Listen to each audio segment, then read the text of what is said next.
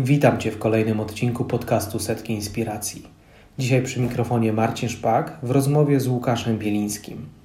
Rozmawiać będziemy o emocjach. Zapraszam do wysłuchania naszej rozmowy.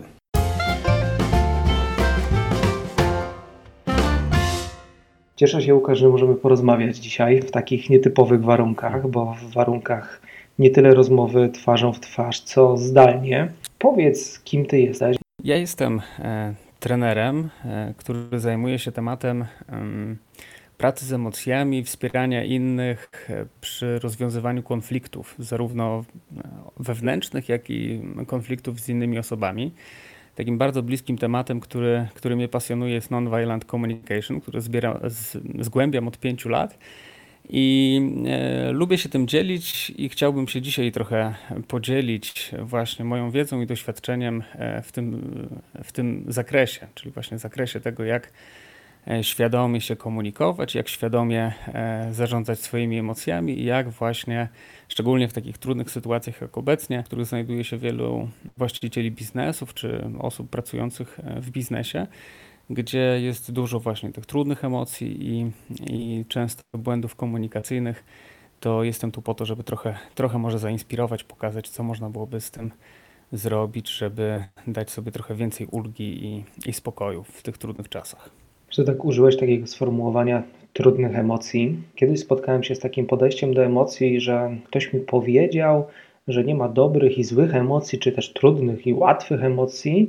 Te emocje po prostu są, tylko nasza interpretacja tych emocji jest jakaś albo pozytywnie, albo negatywnie nacechowana. Jak ty na to patrzysz? Zgadzam się oczywiście z tą interpretacją, że nie ma złych i dobrych emocji, bo każda emocja jest jakąś informacją zwrotną dla nas, chociaż często w naszej kulturze byliśmy uczeni, że są te dobre, pozytywne emocje i negatywne emocje.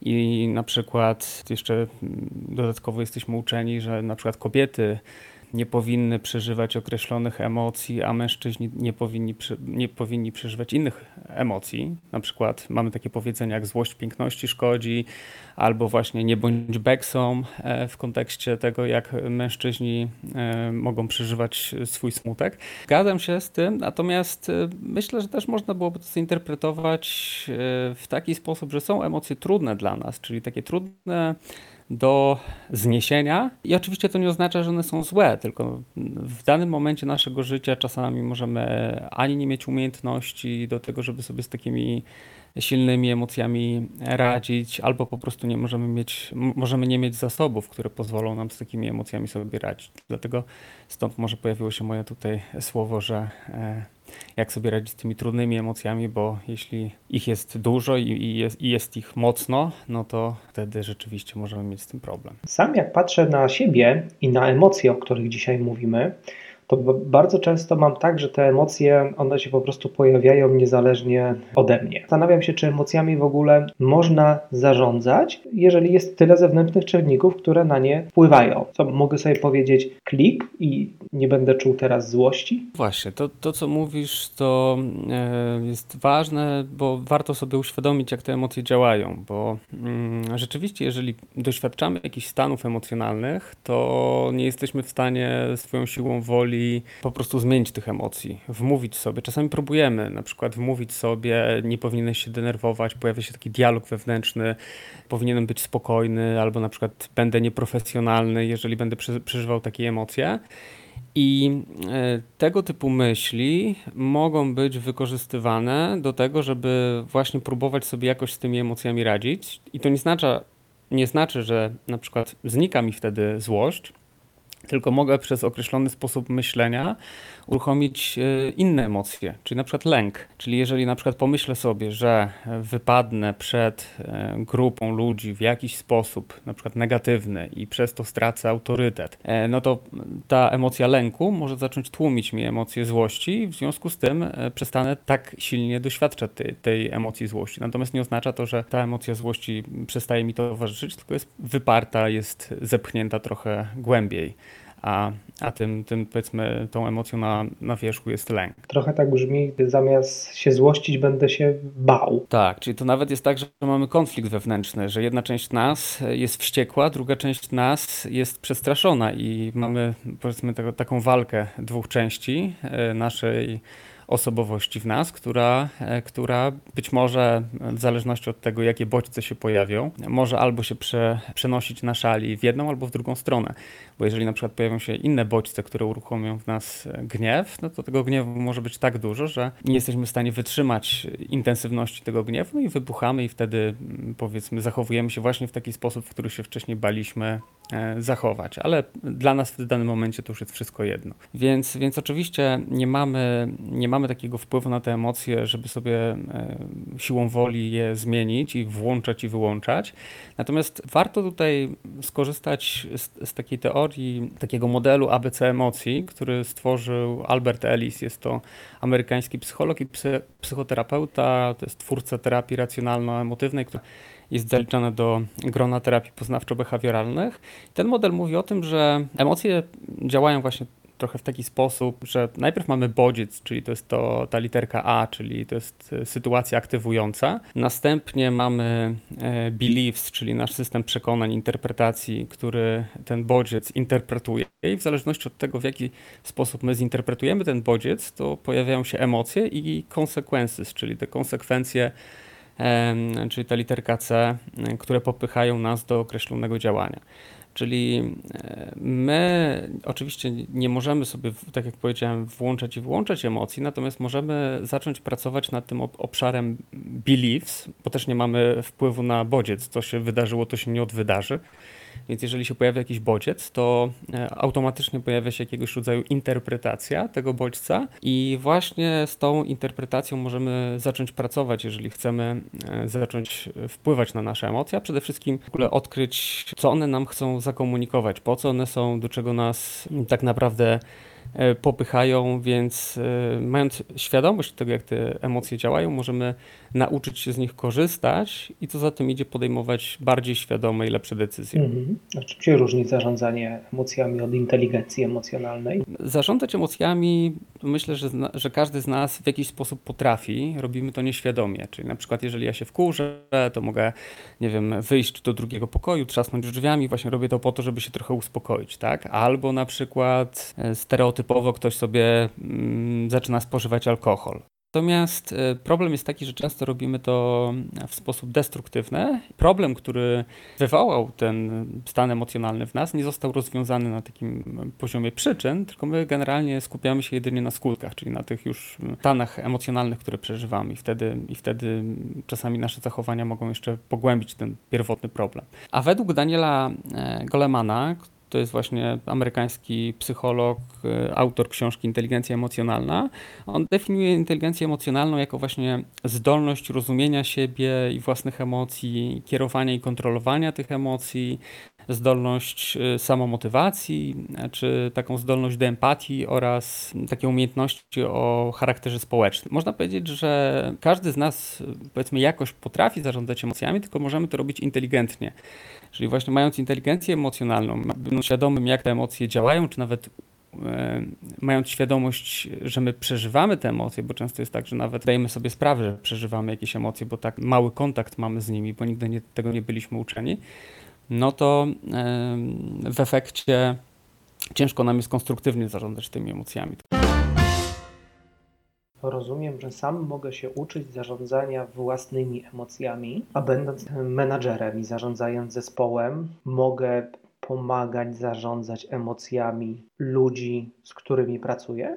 Tak, jeżeli sami na przykład doświadczamy w jakichś okolicznościach spokoju i chcemy wesprzeć drugą stronę, pomóc tej drugiej stronie, na przykład odzyskać kontakt z tym swoim spokojem, to możemy to zrobić. I myślę, że tutaj takim Dużym wsparciem może być właśnie metoda Nonviolent Communication, która pokazuje, że ja mogę za pomocą tak zwanego empatycznego słuchania, ja to z kolei nazywam e, empatyczną parafrazą, pomóc komuś uświadomić sobie, jakie jego potrzeby zostały dotknięte.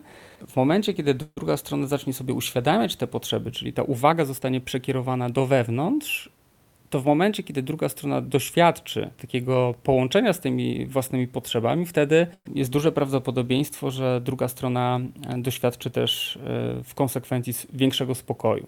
Można to zrobić, oczywiście to nie jest proste, natomiast z biegiem czasu, kiedy zaczynamy to trenować, e, kiedy jesteśmy w stanie nazywać potrzeby, staje się to coraz łatwiejsze. I rzeczywiście jesteśmy w stanie właśnie za pomocą tej takiej empatycznej parafrazy pomóc komuś odzyskać spokój. Empatyczna parafraza zabrzmiało jak jakaś technika, jakiś model. Empatyczna parafraza e, to jest moja nazwa na ten, ten proces. W Nonviolent Communication nazywa się to empatyczne słuchanie. E, polega na odgadywaniu uczuć i potrzeb e, drugiej strony. Czyli jeżeli na przykład ktoś się wściekł i na przykład mówi do mnie znowu, nie wiem, nie wysłałeś raportu na czas, ile razy mam powtarzać, że, żeby był przysyłany do godziny powiedzmy 16, to ja mogę postarać się nazwać e, potrzeby, które się kryją pod, pod tym komunikatem. Czyli mogę sparafrazować to, co tak naprawdę nie zostało wyrażone wprost, a to, co zostało wyrażone właśnie pod spodem, trochę nie wprost. Czyli gdybyś był właśnie taką osobą, która, która mówi mi te słowa, to mógłbym zacząć e, zgadywać, tak? I powiedzieć, słuchaj, e, chcesz mi powiedzieć, że czujesz złość, bo ważne jest dla ciebie zadbać o. No i teraz właśnie pytanie, e, czego dotyczy kontekst? Bo jeżeli na przykład, dlaczego ten raport ma być na czas? Być może ty musisz się wywiązać z jakiegoś rodzaju odpowiedzialności, tak? Chcesz być odpowiedzialny za coś i na przykład zależy ci na e, jakimś bezpieczeństwie. Czyli ja mógłbym spróbować właśnie nazwać to, co się w tobie dzieje, tak? Czyli powiedzieć, słuchaj, chcesz mi powiedzieć, że czujesz złość, bo ważne jest dla ciebie, żeby zadbać o bezpieczeństwo i odpowiedzialność, tak? Przyszło mi do głowy, nawet jak dałeś przykład sytuacji, mm, struktura modelu Foucault, jak mi opowiadasz o empatycznej parafrazie, to, to mam takie poczucie, że jest to podobne, tylko nie mówię o swoich odczuciach, a próbuję tak jakby odgadnąć to, co się dzieje z tobą. Tak, tylko Foucault różni się takim jednym chyba kluczowym, kluczowym aspektem, mianowicie Foucault nie ma informacji o potrzebach, e, a konsekwencje nie są potrzebami, tak? E, a właśnie kluczowe jest to, żeby nawiązać ten kontakt z potrzebami. Potrzebami w rozumieniu właśnie non-violent communication, czyli e, z tymi stanami wewnętrznymi, które są uniwersalne dla każdego człowieka. Bo w definicji non-violent communication potrzeba jest uniwersalna, czyli wszyscy my mamy te same potrzeby, czyli każdy z nas ma na przykład potrzebę bezpieczeństwa, każdy z nas ma jakąś potrzebę wygody, każdy z nas ma potrzebę na przykład zaufania, każdy z nas ma potrzebę, nie wiem, bliskości albo integralności, jakiegoś rozwoju i tak dalej. Oczywiście każdy z nas ma w różnym natężeniu te potrzeby i w różnych okolicznościach możemy mieć różne potrzeby, tak? Czyli dla jednej osoby w danym momencie ważniejsza będzie nie wiem, bliskość, kontakt z kimś, a dla kogoś będzie ważniejsze bezpieczeństwo. I właśnie e, jest to trochę podobne do Foucault, bo mamy ten element uczuć, natomiast, natomiast w Foucault trochę brakuje tego, tego jeszcze nazywania potrzeb. A ten ostatni element, oczekiwanie, czyli czego ja potrzebuję lub oczekuję od ciebie Foucault? To też w Nonviolent Communication nie ma e, oczekiwań, są prośby. I prośba różni się od oczekiwania tym, że druga strona ma prawo odmówić, i ma prawo odmówić. Nie, jeżeli ta druga strona odmówi, to nie oznacza, że się kończy dialog. I my w takim razie, jeżeli druga strona nam odmówiła, to godzimy się na to i mówimy, ok, w porządku, no to jak nie chcesz, to nie. E, nic e, wbrew sobie, nic nieprzymuszonej woli. Bardziej chodzi o to, że e, ta prośba jest, można powiedzieć, taką formą trochę sprawdzenia, czy, czy jakieś potrzeby drugiej strony nie, nie są naruszane za pomocą mojej prośby. Jeżeli są, no to w tym momencie otwiera się dialog, czyli znowu na przykład uruchamiamy empatyczną parafrazę, sprawdzamy jakie potrzeby druga strona e, miałaby niezaspokojone, gdyby nasza prośba miała być spełniona, i dopiero jak uświadomimy sobie te, te potrzeby, to okazuje się, że można znaleźć alternatywną strategię, która będzie zaspokajać potrzeby obu stron. Myślę, że na pewno dużo łatwiej to zrozumieć na przykładzie, bo na ten moment mówimy na jakimś takim poziomie abstrakcji, a dla wielu osób, które nie znają modelu nonviolent communication, może to uruchamiać różnego rodzaju jakieś obawy, że szczególnie dla osób na przykład zarządzających. Skoro jestem osobą zarządzającą, to mm, nie wiem, wydaję polecenie i te polecenia mają być realizowane. Mówisz, że w empatycznej parafrazie próbujemy odgadnąć uczucia drugiej osoby. Nie komplikuje to trochę? Dużo łatwiej jest mi powiedzieć o moich uczuciach, bo teoretycznie wiem, jakie one są, niż zgadywać, jakie one są u ciebie. Dlatego zgaduję, a nie stwierdzam. I to jest właśnie różnica, stąd jest pytanie, e, czyli chcesz mi powiedzieć, że czujesz to, co czujesz, bo potrzebujesz tego i tego. I druga strona po prostu może powiedzieć nie, nie czuję tego, albo nie, nie mam takich potrzeb. Natomiast nie chodzi o to, żeby z tej empatycznej parafrazy korzystać jako z jakiegoś narzędzia, które ma za zadanie wywrzeć wpływ w bardzo konkretny sposób na drugą stronę, czyli żeby doprowadzić do tego, żeby druga strona zrobiła to, co chce. Bardziej chodzi o to, żeby chodzi o zmianę postawy. E, zmianę postawy, której celem jest dostrzeżenie, że potrzeby drugiej strony też są ważne. Skoro tworzymy relacje, to one też są ważne niezależnie czy to jest relacja przełożonego z pracownikiem, czy nawet, nie wiem, prezesa z, z szeregowym pracownikiem, skoro tworzymy relacje, e, z drugim człowiekiem, to warto wziąć pod uwagę jego potrzeby, bo jeżeli nie będziemy brać pod uwagę tych potrzeb drugiego człowieka, no to ten drugi człowiek wielce prawdopodobnie to, że nie będzie chciał brać pod uwagę też naszych potrzeb co z kolei może doprowadzić po prostu do konfliktów i na przykład y, wtedy relacje zamieniają się w relacje dominujący i uległy. No i ten szef dominujący musi permanentnie dominować, musi permanentnie straszyć swojego pracownika. Tak jest takie powiedzenie, jak nie ma kota, to myszy harcują, czyli jak nie ma bodźca w postaci tego dominującego szefa, który permanentnie musi straszyć swoich pracowników, no to w tym momencie nie ma wewnętrznej motywacji. Cała motywacja zamienia się w motywację zewnętrzną, co jest męczące, a jeszcze oczywiście ludzie są kreatywni, zdolni, mogą uprawiać bierną agresję, czyli mogą tak robić, że teoretycznie się nie można do nich przyczepić, a mimo to powiedzmy potrafią wbić tą szpilkę w osobę zarządzającą. Więc E, nonviolent communication jest właśnie tą zmianą postawy, która pokazuje, że naprawdę da się dogadać i dużo łatwiej się jest dogadać i dużo chętniej ludzie będą z nami współpracować, jeżeli będą mieli poczucie, że ich potrzeby są brane pod uwagę. Tylko, że trzeba być z tym spójnym, nie, nie korzystać z tego jako jakiegoś narzędzia, jakiegoś narzędzia manipulacji, jakaś technika, która ma za zadanie teraz e, zwiększyć naszą efektywność wywierania wpływu, tylko dostrzec, że naprawdę kiedy bierzemy pod uwagę potrzeby drugiego człowieka, to e, on chętniej będzie brać pod uwagę nasze potrzeby. I e, Taki jest cel tak, te, te, tej metody, więc e, nawet jeżeli ja nie trafię, nie zgadnę uczuć i potrzeb tego pracownika, to moja postawa demonstruje to, że ja, ja chcę, tak? Że ja, że ja się skupiam na tym, że ja szukam, że one są ważne, czyli te uczucia, potrzeby są ważne, że jest przestrzeń na to, żeby one były, tak? Że nie będziemy zaklinać rzeczywistości, że to nie jest ważne, bo gdzieś to jest ważne. I dzięki temu, kiedy druga strona ma poczucie, i oczywiście to nie jest tak, że jeżeli nagle zaczniemy stosować non-violent communication, to wszyscy będą mieli takie poczucie, bo jeżeli wcześniej nie potrafiliśmy wziąć pod uwagę potrzeb drugiej strony albo mm, nawet chcieliśmy wziąć pod uwagę, ale, ale nie potrafiliśmy tego zrobić, to druga strona prawdopodobnie straciła zaufanie, że, że, jej potrzeby są dla nas ważne. Więc nawet jeżeli zaczniemy stosować NVC w okolicznościach, to nie znaczy, że to jest mm, jakieś narzędzie, które działa jak magiczna różdżka, że nagle te relacje się zmienią.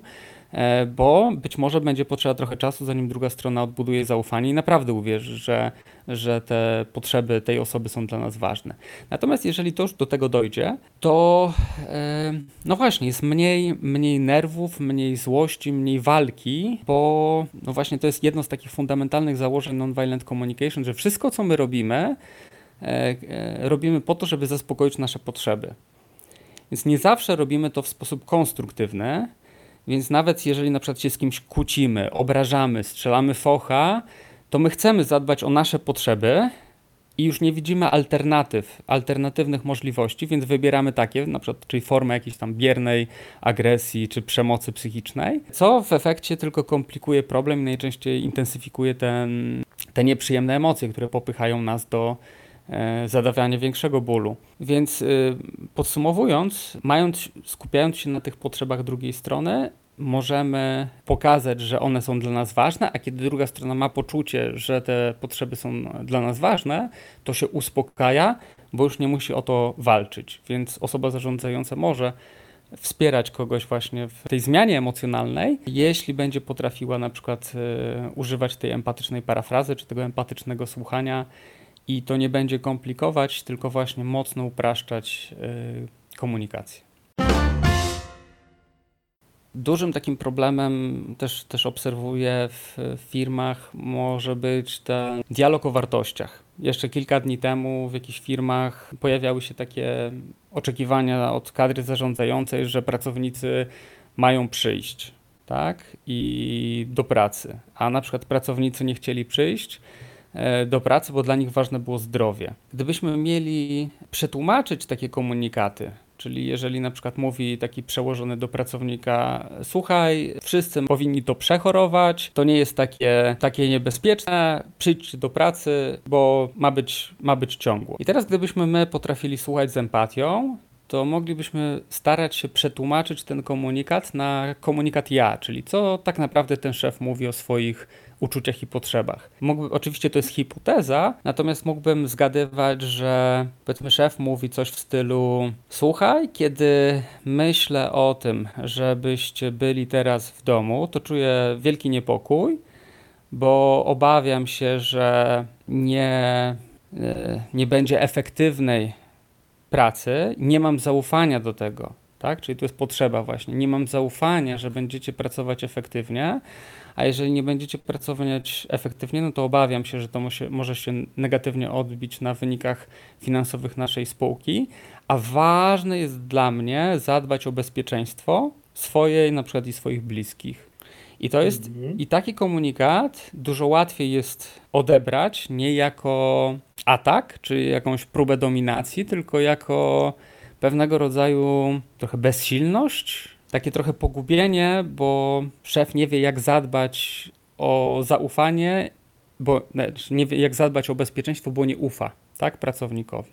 Z kolei pracownik mówiąc, ale nie wiem, ty szefie, nie jesteś Bogiem, nie masz prawa decydować o, o moim, nie wiem, życiu i zdrowiu, ani o życiu i zdrowiu moich bliskich i w ogóle jak możesz tak się zachowywać, to to, co tak naprawdę mówi ten pracownik, to jest prawdopodobnie coś takiego, czyli słuchaj szefie, kiedy mówisz mi, żebym przyszedł, to ja czuję wielki lęk, bo chcę się zatroszczyć o swoje zdrowie i, swoje, i zdrowie swoich bliskich. I jednocześnie ważne jest dla mnie bycie branym w procesie podejmowania decyzji. Ważna jest dla mnie autonomia, chcę mieć też wpływ na podejmowanie tak ważnych decyzji, e, które mogą dotyczyć mojego zdrowia i życia. Bo wymaga dużego zaufania, takiej dużo świadomości, samoświadomości tego, co się ze mną dzieje, jakie są moje potrzeby, ale i też wymaga takiego bycia bardzo transparentnym. Dużo łatwiej jest, jak mi jako szefowi powiedzieć, masz być w pracy, bo musimy zachować ciągłość biznesu, niż powiedzieć to w taki sposób, jaki ty to zrobiłeś, pokazując mnóstwo takich rzeczy, które mam wrażenie mogą być odbierane jako słabość. Tego typu obawy są naturalnymi obawami, szczególnie kiedy w naszej kulturze byliśmy uczeni, że właśnie okazywanie uczuć, mówienie o sobie jest przykładem słabości. Oczywiście patrząc na to trochę z innej perspektywy, no to możemy zobaczyć, że to jest właśnie wielka siła i wielka odwaga, bo większość ludzi się boi o tym mówić.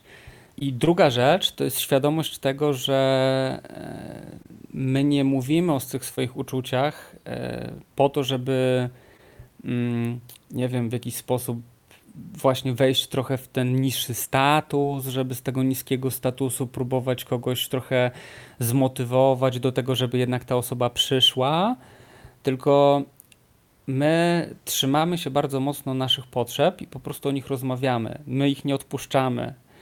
I jeśli druga strona, bo teraz kolejnym krokiem byłoby nawet nie tyle to, żeby kogoś tutaj teraz przekonać do tego, żeby zmienił swoje zachowanie, tylko żeby poszukać takich rozwiązań, które pozwoliłyby nam zaspokoić o potrzeby obu stron.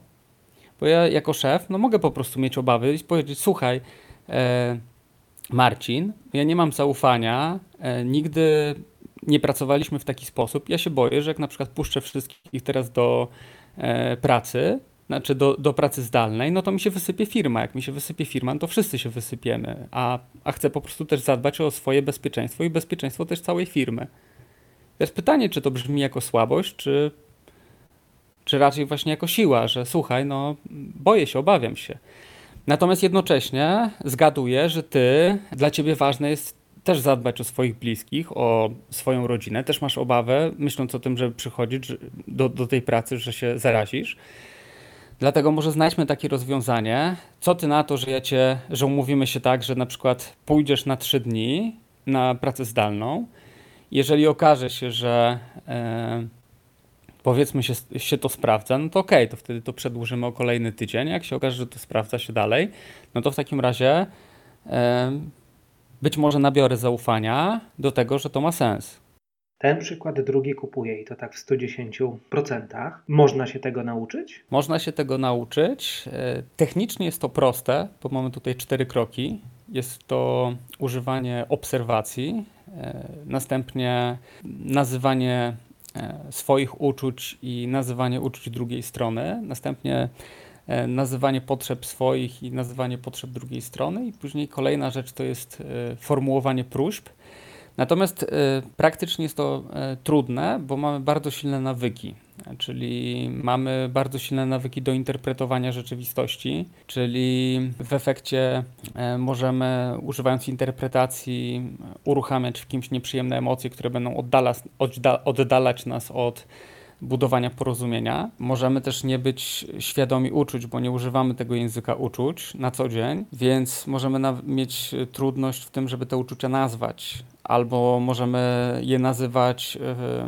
w nieodpowiedni sposób, czyli w nonviolent communication jest coś takiego jak uczucia rzekome, czyli jest to ubranie w słowa e, czuję coś, czego uczuciem nie jest. Na przykład czuję się nieszanowany, albo czuję się manipulowany, albo czuję się niesłuchany, albo czuję się niebrany pod uwagę. To wszystko nie jest wyrazem uczucia, tylko bardziej jest to znowu interpretacja zachowania drugiego człowieka. I to też wprowadza wiele niejasności i może uruchamiać konflikty. Tymi potrzebami też nie mamy słownika potrzeb i często to, co potocznie uważamy za potrzebę, potrzebą wcale nie jest. Czyli na przykład mogę powiedzieć, ja potrzebuję, żebyście przyszli e, do pracy, tak? To nie jest potrzeba, to jest strategia, to jest sposób właśnie na realizowanie potrzeb. E, więc, więc możemy mieć też trudność w nazywaniu potrzeb, bo nie mamy takiego słownika. No i ostatnia rzecz, e, która sprawia też bardzo dużo trudności, to jest e, formułowanie próśb. Czyli my często, przez to, że jesteśmy nieświadomi właśnie naszych uczuć i potrzeb, my często nawet nie wiemy, czego my tak naprawdę chcemy. Czyli mówimy, ja chcę, żebyś przyszedł do pracy, natomiast nie jestem świadomy, że kurczę, przecież mi nie chodzi tak naprawdę o to, żeby ta druga strona przyszła do pracy, tylko ja potrzebuję ufać, że druga strona, jak będzie pracować, to będzie efektywna, no bo ta druga strona też może przyjść do pracy, może później się zdenerwować i sabotować i być bardzo nieefektywna, więc mi wcale nie chodzi o to, żeby ta osoba przyszła do pracy, bo co z tego, że ta osoba przyjdzie do pracy i będzie jeszcze bardziej nieefektywna niż siedząc w domu. Ja potrzebuję e, tej efektywności, tak, żeby zadbać o swoje bezpieczeństwo. Więc dopiero będąc świadomym tych potrzeb, ja, ja dopiero zdaję sobie sprawę, o co ja mogę poprosić. Jeżeli ja wiem, że ok, potrzebuję zaufania, to łatwiej mi jest wtedy poprosić o jakieś działanie, typu na przykład zróbmy test, zróbmy tak, jakieś, sprawdźmy to, albo przygotujmy taki taki formularz, który będzie kontrolować pracę, albo zróbmy taki, ta, nie wiem, taką i taką aplikację, czy, czy dołóżmy taką i taką aplikację, która będzie coś tam monitorować, żebym ja nabrał zaufania i wtedy, dopiero jak ja nabiorę zaufania, to zrealizuję swoje potrzeby. Więc yy, Technicznie jest to proste, w praktyce to jednak wymaga treningu. No i też tutaj żałuję, że nie ma jakichś prostych e, narzędzi, które można byłoby trochę jak taka magiczna pigułka łyknąć i po godzinie nagle zmienić radykalnie swoje życie. Na skomplikowane problemy niestety często potrzeba skomplikowanych narzędzi. Oczywiście czasami są narzędzia, które jakoś mogą to upraszczać, no ale czasami dochodzimy do takiej granicy, że już uprościć się bardziej nie da e, i tutaj już naprawdę potrzeba bardziej zaawansowanych narzędzi, rozwoju świadomości do tego, żeby rozwiązać ten głęboki konflikt, tak? czy jakiś głęboki problem, który, który już nie dotyczy przychodzenia do pracy, tylko tak naprawdę dotyczy relacji, głębokich relacji międzyludzkich. To od czego zacząć? Myślę, że warto zacząć od e, książek. Polecam tutaj książki Marszala Rosenberga, e, Porozumienie bez przemocy o języku życia. To jest właśnie Porozumienie bez przemocy, to jest polska nazwa Nonviolent Communication. Są też nagrania Marszala Rosenberga na YouTubie z polskimi napisami, więc też można zobaczyć e, w jaki sposób ten sposób komunikacji jest prowadzony, e, w jaki, jak można rozwiązywać takie głębokie, skomplikowane problemy, jak sobie radzić z tymi swoimi emocjami w sytuacjach bardzo trudnych. No i kolejnym krokiem no to jest praktyka, bo e, bez praktyki ciężko będzie nam to wdrożyć. Tutaj akurat teraz mamy problem ze szkoleniami, żeby się spotkać i praktykować, natomiast można próbować e, poszukać jakichś rozwiązań online, e, które, jakichś kursów online, które pozwoliłyby nam na praktykę tej metody. Jakbyś miał polecić taką jedną kluczową książkę, mhm. którą warto przeczytać, to co byłaby to za książka? Myślę, że właśnie ta, którą, e, o której powiedziałem wcześniej, czyli to Porozumienie bez przemocy o języku życia Marszala Rosenberga. Natomiast dołożył też bym e, książkę Porozumienie bez przemocy w mediacjach. Tam jest więcej właśnie o konfliktach e, międzyludzkich, a myślę, że konflikty teraz w biznesie i w życiu indywidualnym e, będzie ich więcej, będą mocniejsze ze względu na sytuację, w której się znaleźliśmy. I jeszcze może taką książkę e, Komunikacja konstruktywna w biznesie, e, która też, też może pokazać, jak, jak zacząć trochę inaczej dogadywać się, żeby radzić sobie z tymi emocjami i nie dolewać oliwy do ognia E, drugiemu człowiekowi, który i tak doświadcza pewnie teraz wiele stresu związanego z sytuacją, w której się znalazł. Podlinkujemy pod naszym podcastem, żeby było łatwo znaleźć. Tak. Puenta na zakończenie. Życzyłbym chyba każdemu kontaktu z potrzebami, czyli mniej, mniej w ocenianiu świata, tego jakim jest, a jaki być powinien, bo jest taki, jaki jest i e, nic z tym teraz nie zrobimy. Jedyne co możemy to zaakceptować go takim, jakim jest. A do tej akceptacji pomaga właśnie e, świadomość e, własnych potrzeb i tego, że o wiele tych potrzeb jednak dalej mimo wszystko możemy zadbać. Dalej możemy zadbać o bliskość, na przykład przez rozmowę z, nas, z naszymi bliskimi. Dalej możemy zadbać o jakąś wygodę, pomagając sobie nawzajem, o troskę, o bezpieczeństwo, robiąc y, może jakieś dodatkowe zapasy albo przez rozmowę z drugim człowiekiem i zastanowienie się, tego, zastanowienie się nad tym, co można byłoby zrobić w sytuacjach podbramkowych. Więc o wiele potrzeb mimo wszystko dalej możemy zadbać, a to z kolei pomaga poczuć się bardziej spokojnie i zaufać temu, że, że znajdziemy jakieś alternatywne strategie do zaspokojenia swoich potrzeb, nawet w tych trudnych sytuacjach, w trudnych czasach dobra puenta na zakończenie naszego dzisiejszego odcinka. Bardzo dziękuję za rozmowę. Łukasz. Dzięki, dzięki Marcin. Do usłyszenia. Do usłyszenia.